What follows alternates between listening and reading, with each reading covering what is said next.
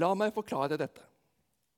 Så lenge en arving er umyndig, står han likt med en slave, enda han eier alt. Han står under formyndere og forvaltere helt til den tiden hans far har fastsatt. Slik er det også med oss. Da vi var umyndige, var vi slaver under grunnkreftene i verden. Her får vi høre om arvinger som er umyndige, og som egentlig ikke har andre rettigheter enn den slaven har. Hva er det Paulus mener her? Hva er det Paulus vil ha sagt med dette? Han fortsetter tematikken fra kapittel 3 om forholdet mellom lov og evangelium. Hvis vi er under loven, så er vi fortsatt som slaver og ikke som barn. Vi er umyndige, og andre må styre formuen jeg er arving til. Slik var det i gammeltestamentlig tid. Folket var arvinger, men fortsatt under loven. De var arvinger til landet, til løftet som Abraham hadde fått, men de var fortsatt umyndige, for loven var fortsatt deres vokter. Slik er det også med galaterne. De tenker, handler og argumenterer som om de vil vende tilbake til slaveriet i stedet for den frihet de har fått av Jesus. Ifølge vers 3 så er det som å vende tilbake til grunnkreftene, til verdens barnelærdom, til ABC-en på skolen, tilbake til Det gamle testamentet, tilbake til Moses og loven, fra frihet til slaveri. Hva hjelper det å være arving hvis du aldri vil bli myndig? De religiøse refleksene som så fort slår inn i oss mennesker. Ja, men jeg må jo følge loven. Jeg må jo gjøre det slik. Jeg må gjøre det sånn. Ellers så er jeg ikke en kristen. Det religiøse mennesket som kjenner på at en må prestere, tilfredsstille Gud for å bli akseptert av Han. Jeg må jo Og så har vi det ene og det andre som vi, som vi hekter på. Dette er på en måte instinktet i oss, i det religiøse mennesket. Grunnkreftene i oss, så å si. Denne verdens gjerningsbaserte barnelærdom. Motstykket til dette er Guds sønns komme. Men i tidens fylde sendte Gud sin sønn, født av en kvinne og født under loven. Han skulle kjøpe fri dem som sto under loven, så vi kunne få retten til å være Guds barn. Fordi dere er barn, har Gud sendt sin, sønn, sin sønns ånd inn i våre hjerter, og ånden roper 'Abba, far'.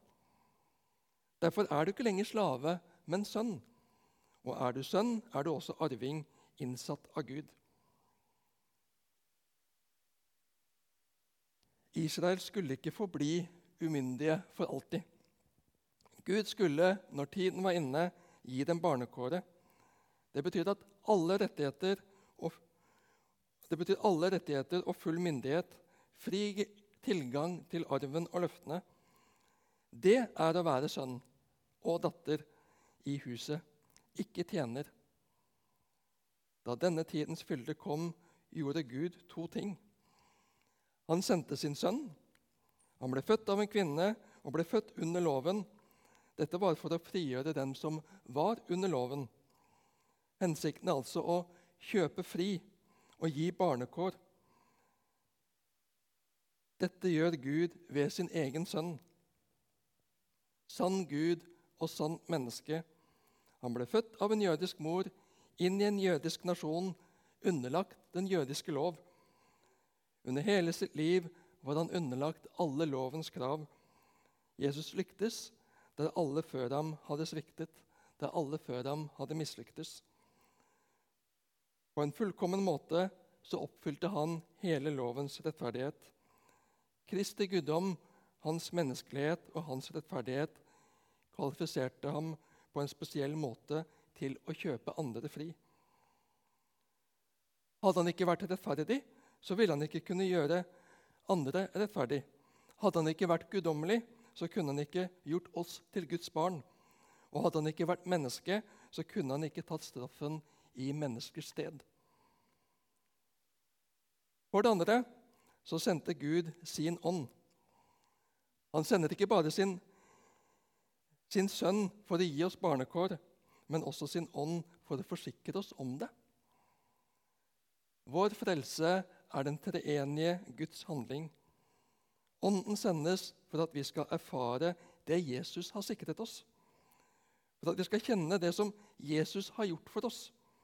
For at vi ikke bare sliter, sitter med barnekåret som status, men at vi også kan få den praktiske erfaringen av det. Her kreves det ingen bestemte kvalifikasjoner av oss, men Ånden sendes alle som er Guds barn. Og Ånden roper 'Abba, far'. Gud er fortsatt konge. Gud er fortsatt hellig. Gud er fortsatt majestet. Men vi er ikke lenger slaver. Vi er ikke lenger tjenere. Vi er barn med samme ånd som far. Vi har en ny status, en helt annen posisjon. Vi skal ikke tjene for å fortjene. Vi er ikke drevet av regler og frykt. Vi er barn som får kalle ham far. Jeg våget å kalle ham far, er tittelen på en bok skrevet av en tidligere muslim. Det handlet ikke lenger om gjerninger en måtte gjøre, krav en måtte oppfylle, men å få lov til å bare være. Være barn, barn av Gud. En far som er glad i meg, som har gjort alt for meg, som har gitt meg barnerett og arverett, nåde og tilhørighet. Det er det unike ved den kristne tro, til forskjell fra all religion. Det er hans verk, ikke mitt. Hans gave av nåde alene, av kjærlighet alene. Jeg skal bare få ta imot. Paulus konkluderer i vers 7 med å si Derfor er du ikke lenger slave, men sønn. Og vi kan eh, føye til datter. Som kristne er vi arvinger og barn. Og alt dette er av Guds imøtekommende nåde. Han sendte sin sønn for å dø for oss og sin ånd for å leve i oss. Timothy Keller han uttrykker det slik Christians are free because we are sons of God through faith in Christ. Every other religious system is enslaving. Og så har jeg en uh, utfordring til dere. Først og fremst ettertanke. Om du har lyst til å dele, så uh, feel free. Men først uh, ettertanke i ett minutt. Når jeg, ikke føler meg, når jeg ikke føler meg glad som kristen eller elsket av Gud, hva skal jeg da gjøre? Når jeg ikke føler meg glad som kristen eller elsket av Gud, hva skal jeg da gjøre? Tenk, noter for din egen del. Når jeg ikke føler meg glad som kristen eller elsket av Gud, hva skal jeg da gjøre? Da trenger jeg å huske min rettslige stilling innenfor Gud, gitt meg av Jesus som hans adopterte barn. Den er sann uavhengig av dine og mine følelser. Vi har så lett for å lete etter bekreftelsen i oss, men bekreftelsen er i Jesus. Når vi reflekterer over hvem vi er i Gud gjennom Kristus, så vil Ånden begynne å gjøre disse sannhetene spennende. 'Trilling and healing', skriver Timothy Keller. Så de vekker begeistring i oss og helbreder oss. Og gjør oss i stand til å føle det som allerede er sant om oss. Å sette pris på og oppdage mer og mer av barnekåret vårt gjør vi ved å sette av betydelig tid til å studere, dvele, reflektere over det Guds sønn har gjort for oss, og be Den hellige ånd om å gjøre det levende og spennende for oss. Rope på vår Far jevnlig gjennom dagen. Forsikre oss om at vi erfarer og gleder oss over velsignelsen ved å kjenne Gud som far. Det innebærer å spørre seg selv Oppfører jeg meg som en slave som er redd for Gud? eller som et barn som er overbevist og trygg på min fars kjærlighet? Hvis jeg oppfører meg som en slave som er redd for Gud, hva baserer jeg egentlig min relasjon til ham på? Tenk og noter for deg sjøl. Vi går videre til neste avsnittet i Galaterne 4, som viser hvordan Paulus har omsorg for galaterne. Den gang dere ikke kjente Gud, var dere slaver under guder som ikke er virkelige guder. Men nå når dere kjenner Gud, ja, mer enn det, når dere er kjent av Gud, hvordan kan dere da vende tilbake til disse svake og fattige grunnkreftene? Vil dere slave under dem igjen? Dere holder nøye regnskap med dager, måneder, høytider og år. Jeg er redd at jeg har strevd forgjeves for med dere. Igjen trekker Paulus fram kontrasten mellom det vi var, og det vi er blitt. Før kjente vi ikke Gud, men nå er vi blitt kjent med ham. Ja, mer enn det, vi er kjent av Gud. Dette er en annen måte å beskrive barneforholdet på. Det består i å kjenne Gud, vår far, og være kjent av ham. Det er et intimt og personlig fellesskap med Gud. Det er dette Jesus kaller evig liv i Johannes 17, vers 3. Dette er det evige liv, at de kjenner deg, den eneste sanne Gud, og ham du har sendt, Jesus Kristus. Så kommer appellen til galaterne. Hvordan kan dere vende tilbake til ABC-en, til slaveriet? Dere passer nøye på dager, måneder, høytider og år. Med andre ord, religionen deres er degenerert til ytre formalisme. Hva de skal gjøre, hva de skal overholde. Hva en skal gjøre, hva en ikke skal gjøre. Hva som passer seg, og hva som ikke passer seg. Det er ikke lenger barnas glade og frie fellesskap med sin far. Det har blitt kjedelig. Det har blitt stiv rutine og regelrytteri. I uttrykket 'å kjenne' så ligger det i tillegg til kunnskap også et valg. En affeksjon, en følelse og en bekreftelse. Det er en gjensidighet. Når en ikke kjenner Gud, ikke har relasjon til Gud, livet med Gud Når ikke Gud er Gud i livet mitt, så vil jeg gjøre andre ting til Gud i livet mitt. For slik er vi i vårt vesen, i vår natur. I vår natur. Vi gjør noe til Gud, for vi trenger noe overordnet, noe å orientere oss etter i livet. Og når galaterne ikke kjente himmelens gud, så ble det andre ting de innordnet seg under. Andre guder. Vi vet at både gresk og romersk antikk kultur opererte med en lang rekke guder og gudinner. Men uttrykket som her i våre oversettelser er oversatt med 'guder', oversettes i andre eh, bibeloversettelser som 'ting' og 'vesen'. Altså, når Gud ikke er Gud i ens liv, så kan en dyrke andre såkalte guder eller ting eller mennesker eller dyr som Gud. Ikke at nødvendigvis bevisst kaller det Gud, men det får like full rollen som Gud i ens liv. Som blir autoriteten for en, som blir det som en orienterer livet sitt rundt. Men nå har de lært Gud å kjenne.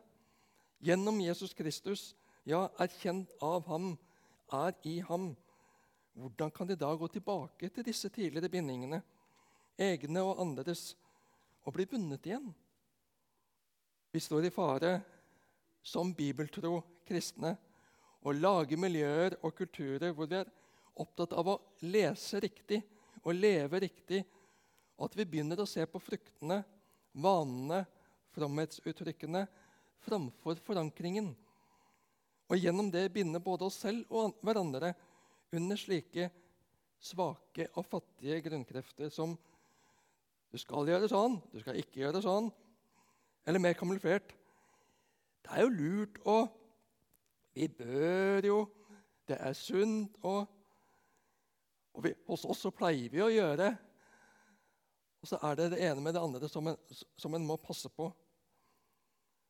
Og når det blir betingelser som vi måler oss selv og andre etter, så blir det lovgjerninger.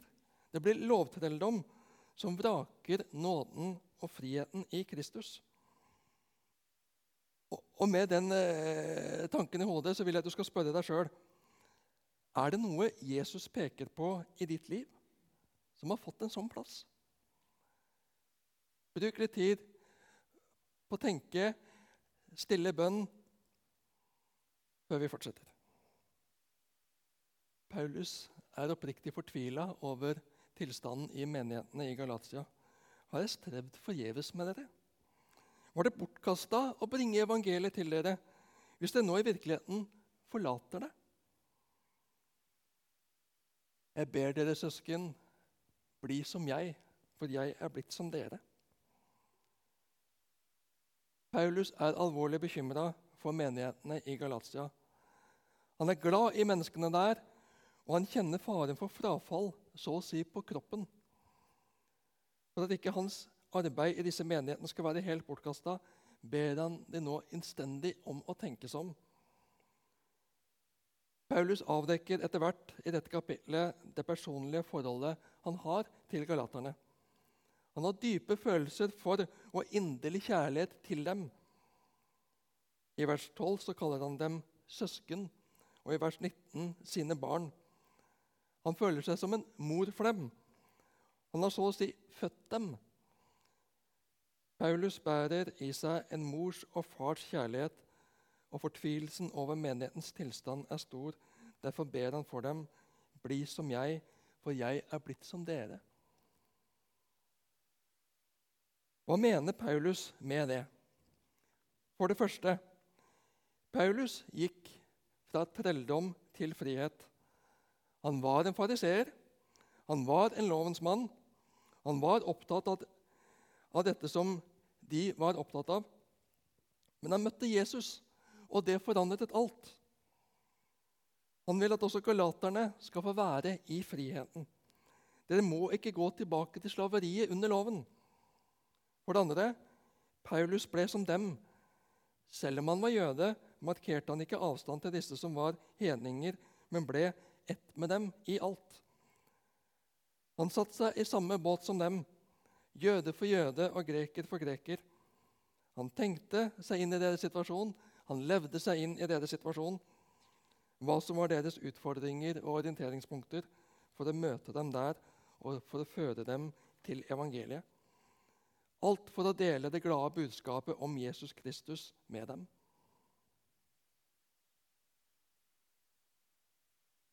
Dere har ikke gjort urett mot meg. Dere vet jo at det var pga. en sykdom jeg fikk forkynt evangeliet for dere første gang. Likevel fristet ikke dette dere til å forakte eller avsky meg. Nei, dere tok imot meg som en Guds engel, ja, som Kristus Jesus selv. Hvor er jubelen deres nå blitt av?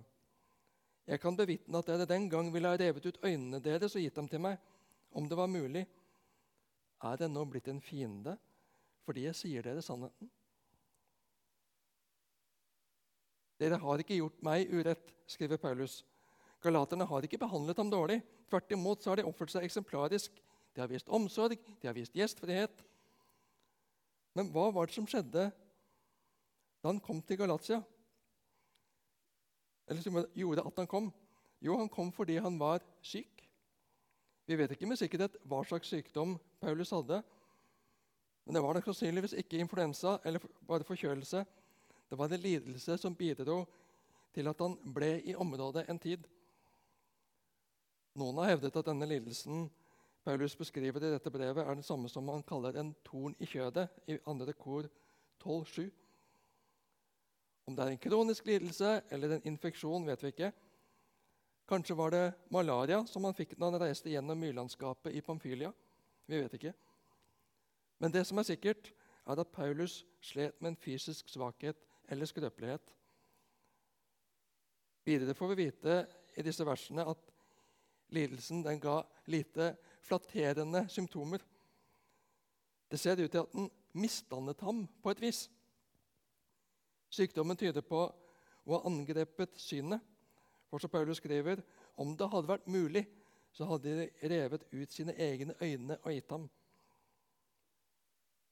Og Hvis vi blar fram til kapittel 6, vers 11, så skriver han Se hvor store bokstaver jeg bruker når jeg egenhendig skriver dette til dere. Det kan tolkes som det samme, altså et sviktende syn, store bokstaver, for å se hva han sjøl skrev. Galaterne kunne fristes til å forakte og forkaste Paulus i hans sykdom. Men de gjorde det ikke. Men i stedet for å vemmes over ham, så tok de imot ham som en Guds engel, ja, som Jesus selv, skriver Paulus.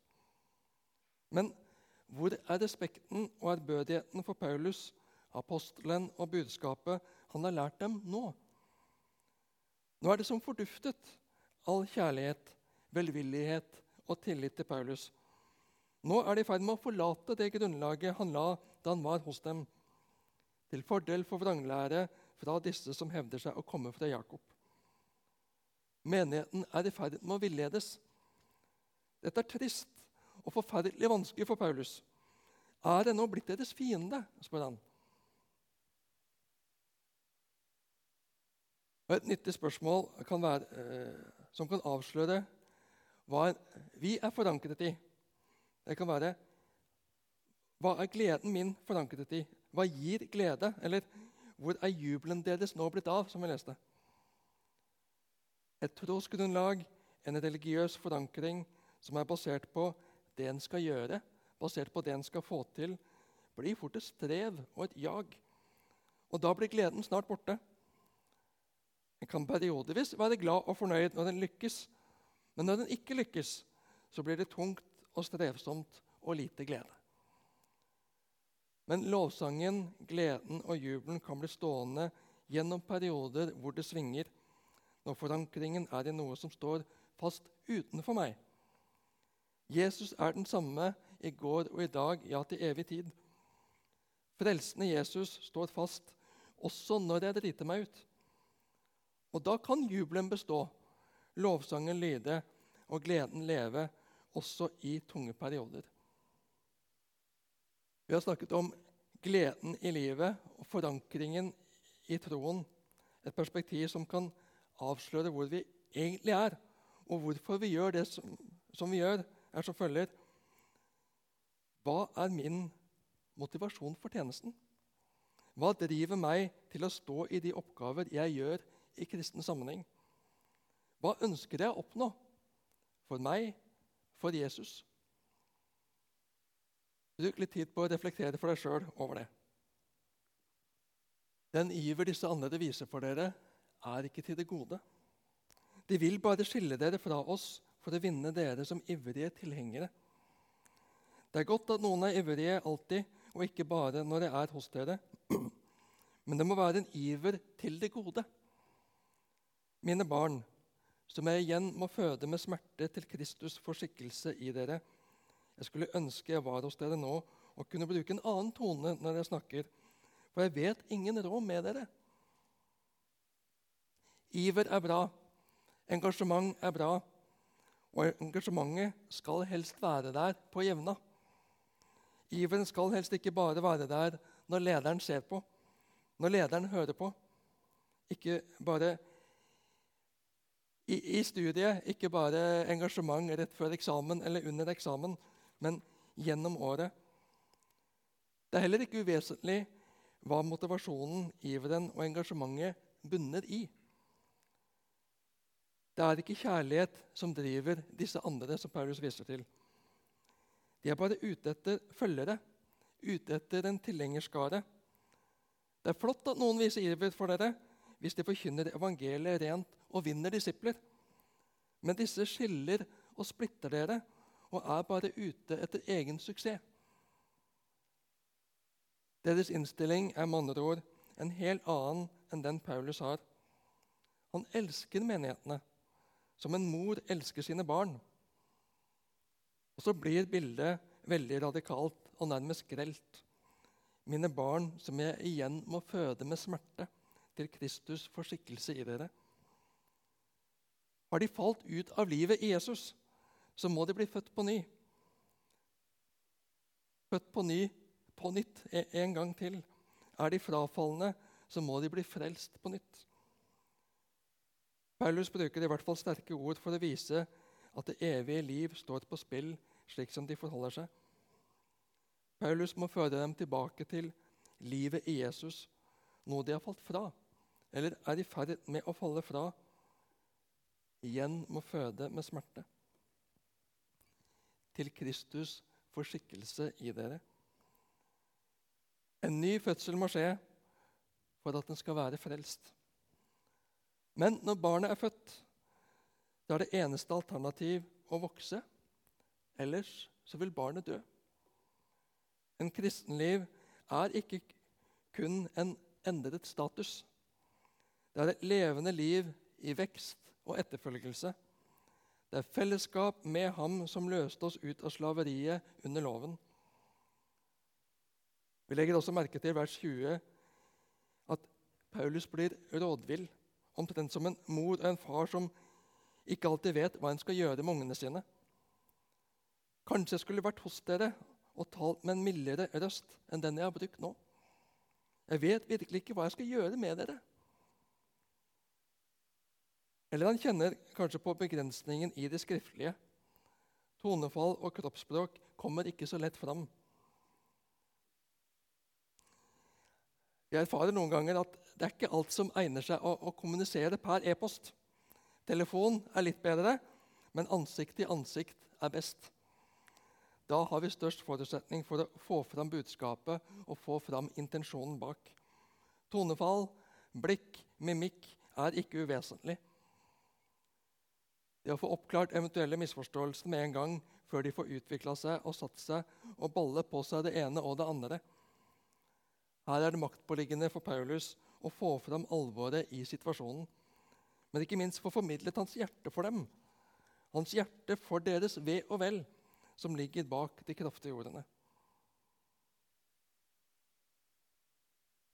Si meg, dere som vil være under loven, hører dere ikke på loven? Paulus begynner et nytt resonnement, angriper samme saken fra én side til i håp om at, at de skal gripe det. En ny argumentasjonsrekke for å overbevise dem om at judaistene som har kommet inn og villedet dem, tar feil. Og I det som kommer nå, så er det mange referanser både til Abraham, til Sara og Hagar, Ismail og Isak, fjellet Sinai og Jerusalem.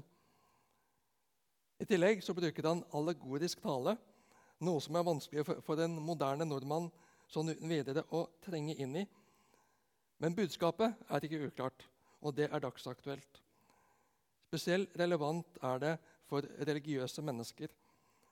Og det er det jo mange av, til alle tider og i alle kulturer. Så selv om det er skrevet med tanke på judaistene i første omgang, så treffer budskapet også alle de som har en vi kaller det en legalistisk trosoppfatning, de som på en eller annen måte, bevisst eller ubevisst, innbiller seg at veien til Gud går gjennom et regelverk som man skal overholde. Og Det er ikke forbeholdt andre religioner. Vi tenker at De andre religionene de snakker om hvordan de skal komme til Gud, men dette kan lett angripe oss som kristne også. En gjør evangeliet om til lov. Det blir da viktigere med tradisjoner og ritualer, høytider og påbud enn evangeliet. De er rett og slett bundet av disse tingene som de må gjøre. Til slike så sier Paulus, si meg, dere som vil være under loven, hører dere ikke på loven? Det var både inkonsekvent og ulogisk, det som judaistene sa og gjorde. De sa de fulgte loven, men de gjorde ikke som den sa. Dermed vil loven selv dømme dem en dag. Det står jo skrevet at Abraham hadde to sønner, en med slavekvinnen og en med den frie kvinnen. Slavekvinnens sønn ble født etter naturens orden. Den frie kvinnens sønn ble født ved Guds løfte. Abraham hadde to sønner. Jødene var stolte av å være Abrahams barn. Det var noe som ga dem trygghet. Løftene Abraham fikk, ga dem en visshet om at de var sikret for tid og evighet. Men denne vissheten ble til en falsk trygghet. De hadde blitt håndmodige og oppblåste i stedet for ydmyke, takknemlige og tjenende. Gud har utvalgt oss. Vi er spesielle. Vi er bedre enn de andre. Vi er mer verdt enn de andre. De brøt seg ut av farshuset så å si, og stolte mer på sin egen fortreffelighet enn på løftene. Derfor problematiserte også døperen Johannes jødenes trygge tro, slik som vi ser i Matteus 3,9. Og tro ikke at dere kan si til dere selv 'Vi har Abraham til far'. For jeg sier dere, Gud kan reise opp barn for Abraham av disse steinene. Og I Johannes 8, 31-44 sier vi at Jesus gjorde det samme. Og vi leser vers 39-40. Vår far er Abraham, svarte de. Jesus sa, Var dere Abrahams barn, gjorde dere som Abraham. Men dere vil drepe meg, et menneske som har sagt dere sannheten han har, gjort, har hørt av Gud. Det gjorde ikke Abraham. Paulus utdyper det som Jesus hadde sagt tidligere. Abrahams sanne barn er ikke de fysiske etterkommerne, men de som er hans åndelige avkom, gjennom tillit til løftet og løftets oppfyllelse. I realiteten er det dem som vender om og tror på Jesus Kristus, uavhengig av etnisitet og avstamning. Hva hjelper det med en jødisk slektstavle hvis du ikke kjenner Guds vei? Hva hjelper det med en jødisk bakgrunn hvis du tror mer på deg selv, din bakgrunn og din slektstavle enn på Gud? Altså to sønner, en dobbel avstamning, en falsk og en ekte. Den falske er bokstavelig og fysisk, den ekte er åndelig og billedlig. Det er Ismael og Isak. Abraham var far til begge to, men det var forskjeller på de to som Paulus synes det er viktig at vi får med oss. Ismael ble født til trelldom, Isak til frihet. Trellkvinnens sønn ble født etter naturens orden, som han skriver, og dessuten ved at menneskene skulle prøve å hjelpe Gud med å oppfylle hans løfte, noe som bare ble krøll, mens Isak ble født etter løftet. Disse historiske forskjellene på Ismael og Isak benytter Paulus som en allegori. Allegori betyr en dypere mening i hva, hva han sier. En dypere mening er enkelt forklart at alle er vi slaver etter vår natur inntil vi blir satt fri ved oppfyllelsen av Guds løfte. Derfor er alle en Ishmael eller en Isak. Enten er vi treller ifølge naturen eller frie ved Guds nåde. Dette har en dypere mening. Kvinnene står nemlig for to pakter, skriver han. Den ene, Hagar, er pakten fra Sinai-fjellet. Hennes barn ble født i slaveri. Hagar er Sinai-fjellet i Arabia og svarer til det nåværende Jerusalem, som lever i slaveri med sine barn. Men det Jerusalem som er i det høye, er fritt, og det er vår mor. For det står skrevet:" Gled deg, du barnløse som ikke fødte. Bryt ut i jubel, du som ikke fikk rier. For den enslige kvinnen har flere barn enn hun som har mann. Det fremstår dype åndelige sannheter av denne gamle historien, sier Paulus. Igjen Abrahams to sønner, Ismail og Isak, født av to mødre, Hagar og Sara. Disse to mødrene representerte to ulike pakter i hvert sitt Jerusalem. Trellkvinnen Hagar står for den gamle pakten, og hennes sønn symboliserer menigheten i det jordiske Jerusalem. Men den frie kvinnen Sara står for den nye pakten, og hennes sønn representerer det nye Jerusalem, altså menigheten i den himmelske by. Selv om disse to sønnene, Ismail og Isak, overfladisk sett er like, ettersom begge var Abrahams sønner, så var de to guttene fundamentalt forskjellige. På samme måten, sier Paulus, er det ikke nok å si at Abraham er min far. Det store spørsmålet er hvem er din mor? Hvis det er Hagar, er vi som Ishmael, men hvis det er Sara, er vi som Isak. Hvis det er loven jeg hviler på, så faller det sammen. Hvis det er troen til løftet, så vil det bære hjem. Og dere søsken er barn ut fra løftet, slik som Isak. Men han som var født etter naturens orden, forfulgte den gang ham som var født ved ånden. Og slik er det også nå. Men hva sier Skriften? Driv bort slavekvinnen og sønnen hennes, for slavekvinnens sønn skal ikke arve sammen med den frie kvinnens sønn. Altså, søsken, er vi ikke barn av slavekvinnen, men av den frie kvinnen. Paulus har referert til historien. Han har vist at den har en dypere mening. Og nå sier han at det hele har betydning for oss. Vi er Abrahams barn åndelig sett, på grunn av Guds overnaturlige nåde. Men er vi som Isak, må vi regne med å bli behandlet som Isak. Vi må regne med forfølgelse. I 1. Mosebok 21,9 står det at Ishmael spottet Isak. Forfølgelse kommer ikke alltid fra, fra verden, men fra halvbrødre, religiøse mennesker, nominelle kirke. Og slik har det alltid vært. Paulus' verste motstandere var de som representerte den offisielle religionen, jødene. Senere i kirkehistorien så ser vi at kristne forfølger kristne, og dette skjer fortsatt i dag.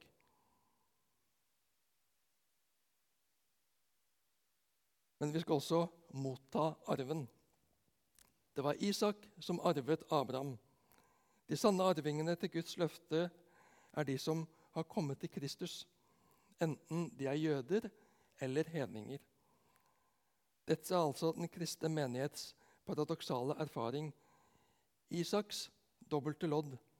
På den ene siden å bli spottet og forfulgt. På den andre siden så er de arvinger og Kristi medarvinger. Som vi leser i 2. Korinterbrev 6, 8-10.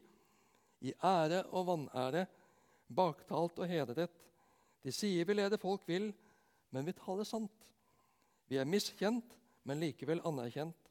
Vi er døende, men ser vi lever. Vi blir slått, men ikke slått i hjel. Vi sørger, men er alltid glade. Vi er fattige, men gjør mange rike. Vi har ingenting, men eier alt. Så kan vi spørre oss sjøl hvorfor forfølger religiøse mennesker evangeliet? Hva er det ved evangeliet som gjør at religiøse mennesker går i harnisk, ikke kan slå seg til ro med det? Gruble for deg sjøl og noter. Da er vi på, til endes på kapittel fire. Før vi ser på de første versene i kapittel fem, så tar vi en pause. Overskriften for første del av kapittel 5 i Galaterbrevet, det er 'Frihet i Kristus'. Er det som står i Bibelselskapets siste oversettelse, i hvert fall, som overskrift. Men før vi skal snakke om frihet, det å være fri Hva, hva forbinder du med frihet? Hva er frihet for deg? Jeg vil at du skal tenke en tanke, eh, to eller tre, før vi går inn i teksten. For å ha klart for deg ditt bilde av frihet før vi ser på Paulus og Bibelen sitt bilde av frihet. I Galaterne 5,1 så står det til frihet har Kristus frigjort oss. Stå derfor fast, og la dere ikke tvinge inn under slaveåket igjen. Vi har sett av de fire første kapitlene i Galaterbrevet at det er et essensielt polemisk brev. Eh, Paulus er ganske tøff i vendingene, for her brenner det. Dette er det viktig å få fram. Paulus fører strid med til dels heftig argumentasjon og ordbruk mot dem som vil bedra Guds menighet. Slik fortsetter han også i starten av kapittel 5. Her settes forskjellige oppfatninger opp mot hverandre. Det er tale om to forskjellige religioner, én falsk og én ekte. Paulus starter dette avsnittet med en påstand. Kristen tro er frihet, ikke fangenskap. De kristne er den frie kvinnes barn, for å bli i bildet fra kapittel 4. Loven har ingen makt over eller krav på den som er under nåden. Derfor er kristen tro frihetens religion, ikke tvangens religion. Evangeliet er en fri gave til alle som tror, men judaistenes krav er slaveåke. Etter den påstanden så følger Paulus opp med en befaling. Stå fast i denne friheten. La dere ikke tvinge under noe én. Dere er jo frie. Som troende så kan vi glede oss over samvittighetsfriheten som Kristus har gitt oss ved hans tilgivelse. Vi må ikke innbille oss at vi får tilgang til Gud ved egen lydighet. Jesus har jo kjøpt oss fri fra denne lovens forbannelse, som vi leste i kapittel 3, vers 13. Han har satt tyngden, tatt tyngden av skuldrene våre, så vi kan rette oss opp og stå oppreist i og ved ham. Hør hva jeg sier. Hør hva jeg, Paulus, sier dere. Hvis dere lar dere omskjære, vil ikke Kristus være til minste hjelp for dere. Jeg erklærer igjen hver den som lar seg omskjære, er forpliktet til å holde hele loven. Dere som vil bli rettferdige ved loven, er skilt fra Kristus. Dere er falt ut av nåden. Men vi venter i ånden ved tro på denne rettferdigheten som er vårt håp. For i Kristus Jesus kommer det ikke an på om en er omskåret eller uomskåret. Her gjelder bare tro som er virksom i kjærlighet. Dette har Paulus vært innom tidligere i brevet, men han kommer tilbake til denne spesielle saken, hangupen for eh, Galatermenigheten, om du vil, nemlig omskjærelsen. Og Hvorfor gjør Paulus så stort nummer ut av dette med omskjærelsen? Det er jo et svært lite inngrep som ikke trenger å bety så mye. Og det er ulike kulturer som praktiserer omskjærelse av ulike grunner. Er det så stor en sak? Hadde omskjærelsen for disse vranglærerne bare vært et fysisk inngrep eller kun et seremonielt ritual, så hadde det ikke vært noe problem for Paulus. Men for judaistene så var det noe mer. Det var et teologisk symbol. Omskjærelsen var et ytre fysisk tegn på at de var lovens folk. De stolte på loven og overholdelse av denne til sin frelse. Nåden den ble derfor perifer for dem. Troen for disse var aldri nok. Omskjærelse og lydighet mot loven var et avgjørende tillegg. Moses måtte fullføre det Kristus begynte. Vi hører urimeligheten i det når vi sier det på den måten. Og Paulus skriver noen svært alvorsfylte ord her. Å legge til omskjærelse er det samme som å miste Kristus. Det er rett og slett å falle fra nåden. Å falle ut av fellesskapet med Gud. Det finnes altså ikke kombinasjonsmuligheter her.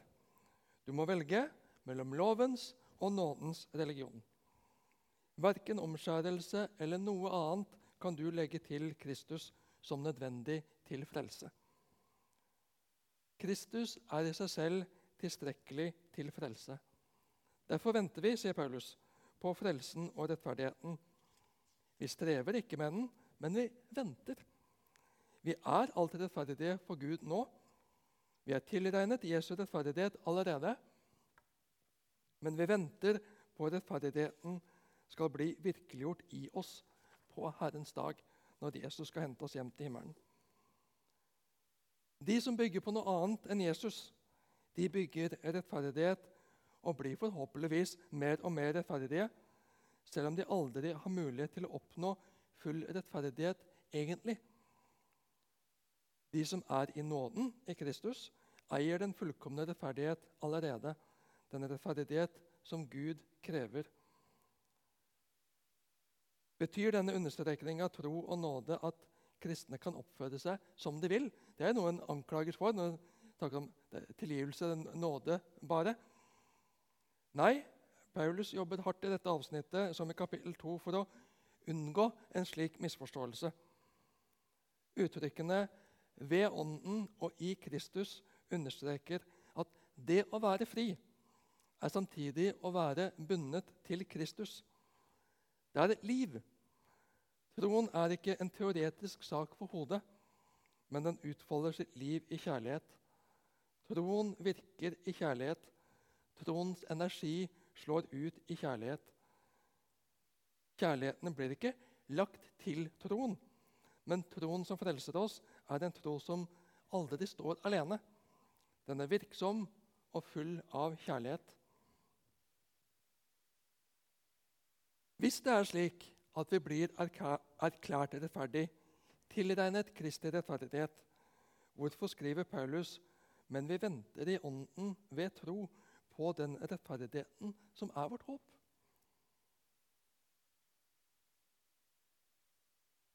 Hva sikter han til her? Hva er det han ønsker å få fram her? Hvis det er slik at vi blir erklært rettferdig, tilregnet Kristi rettferdighet, hvorfor skriver Paulus men vi venter i ånden ved tro på denne rettferdigheten som er vårt håp? Vi har fått det i Jesus, men vi ser det ikke oppfylt før vi er framme hos Gud i herlighet.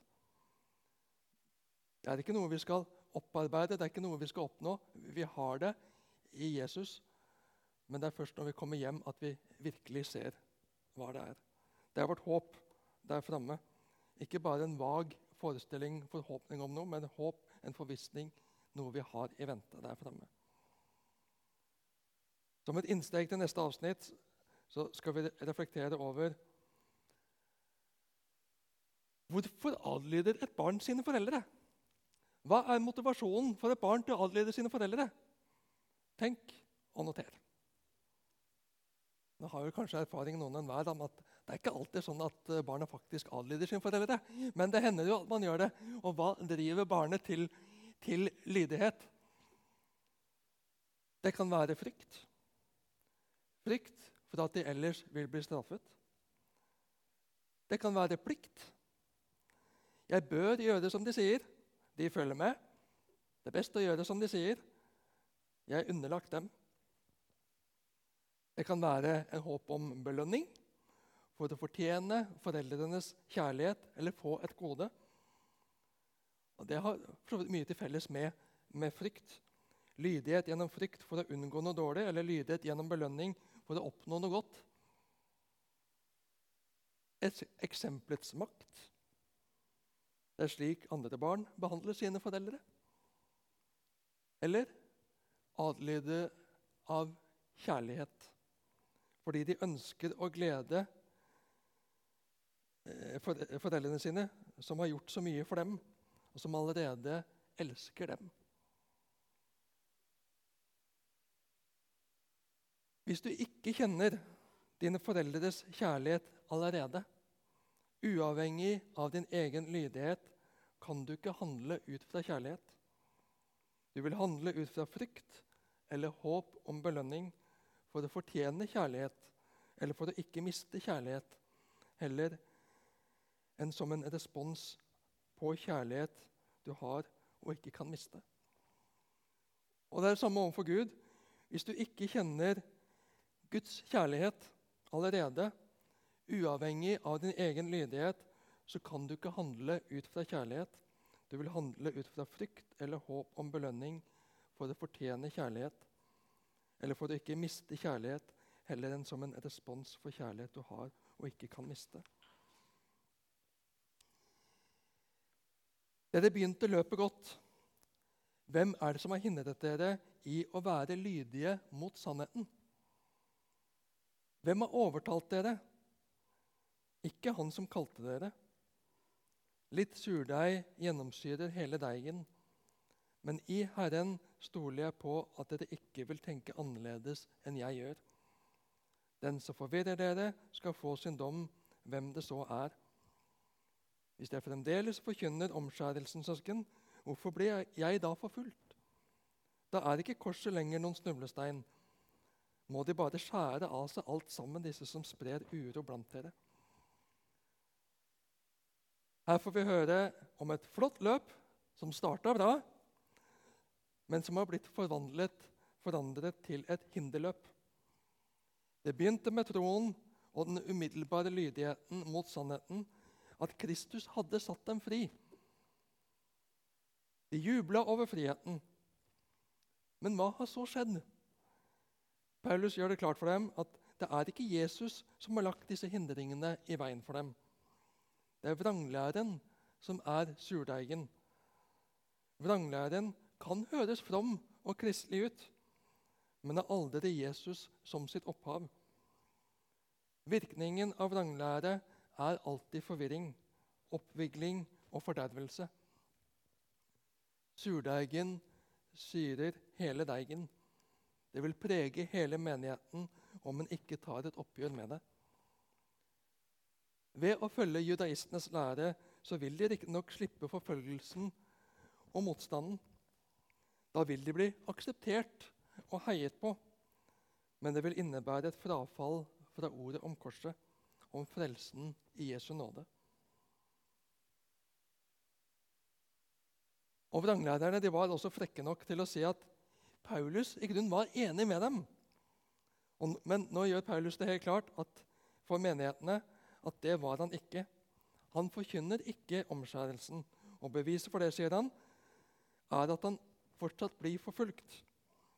De som holder seg til loven og omskjærelsen, blir jo ikke forfulgt, men det blir jeg. Han holder seg til korset, som aldri blir tolerert av det selvrettferdige mennesket. Vi lever i en tid som taler varmt om toleranse. Vi skal være tolerante. Og vi vil gjerne ha det beste fra begge verdener. Vi hater å måtte velge. Det sies ofte at det betyr lite eller ingenting hva du tror på, bare du er ærlig og oppriktig. Følg hjertet. Og det er uklokt å presse fram tydelige standpunkter, sies det. Men den nytestamentlige troen er noe langt mer enn en fornuftsmessig oversikt. Kristendommen stiller oss på valg. Den tillater ikke noen å sitte på gjerdet eller leve i en religiøs tåkedis. Den oppfordrer oss til å ta et standpunkt. Omskjærelse eller Kristus?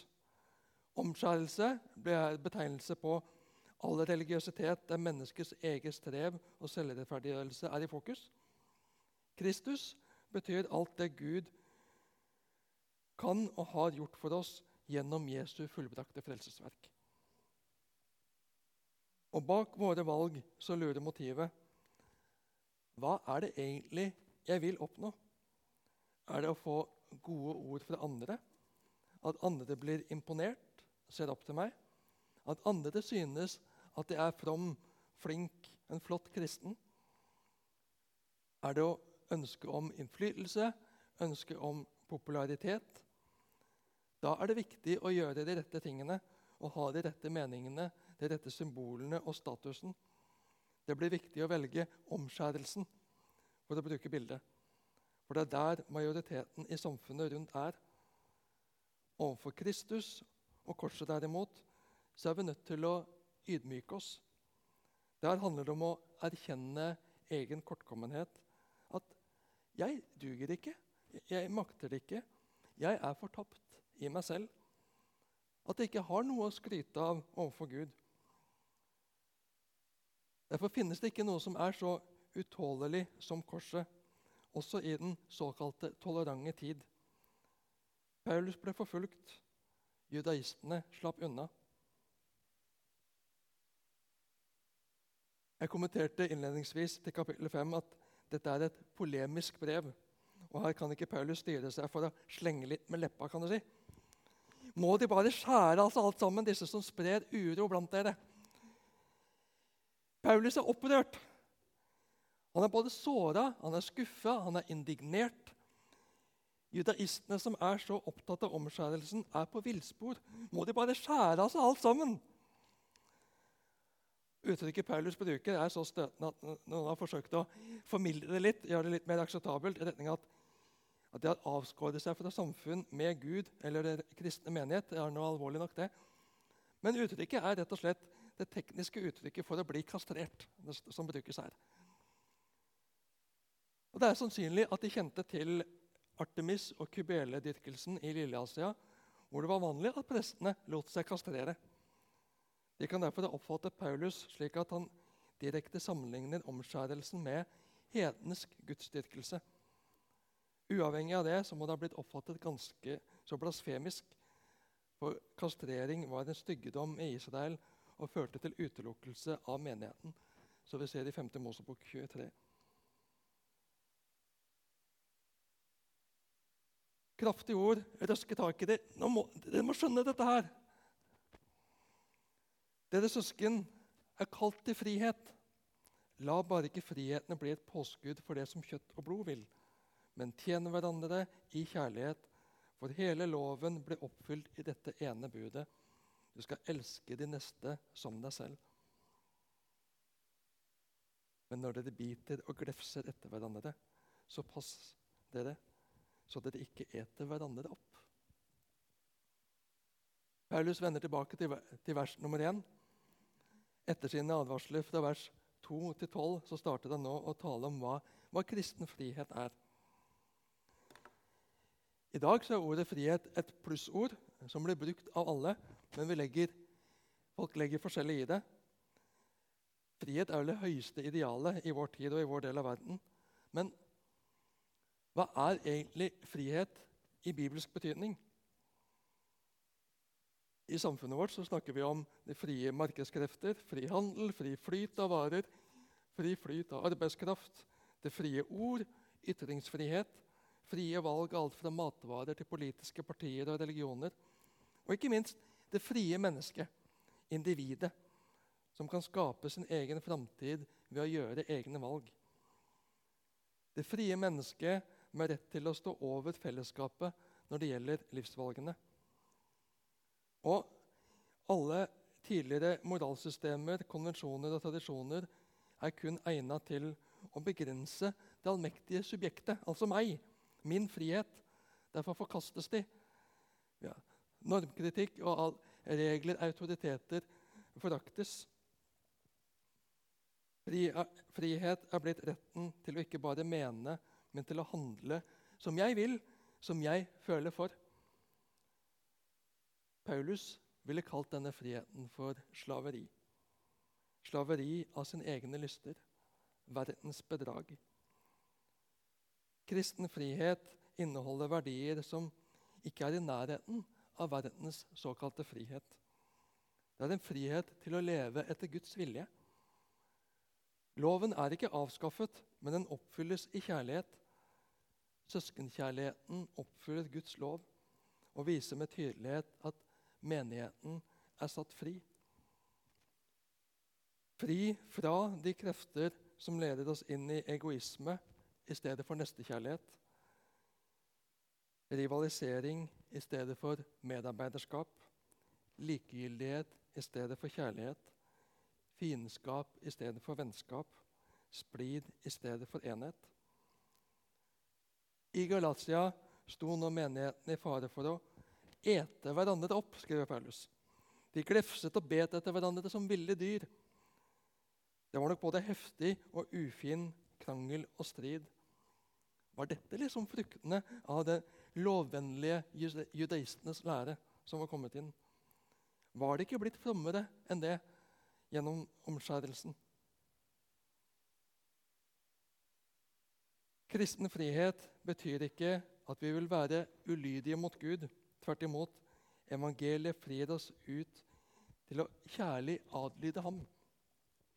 Det kommer til uttrykk gjennom å elske andre. Vi er ikke lydige pga. frykt eller gjør ting for andre fordi vi vil oppnå noe.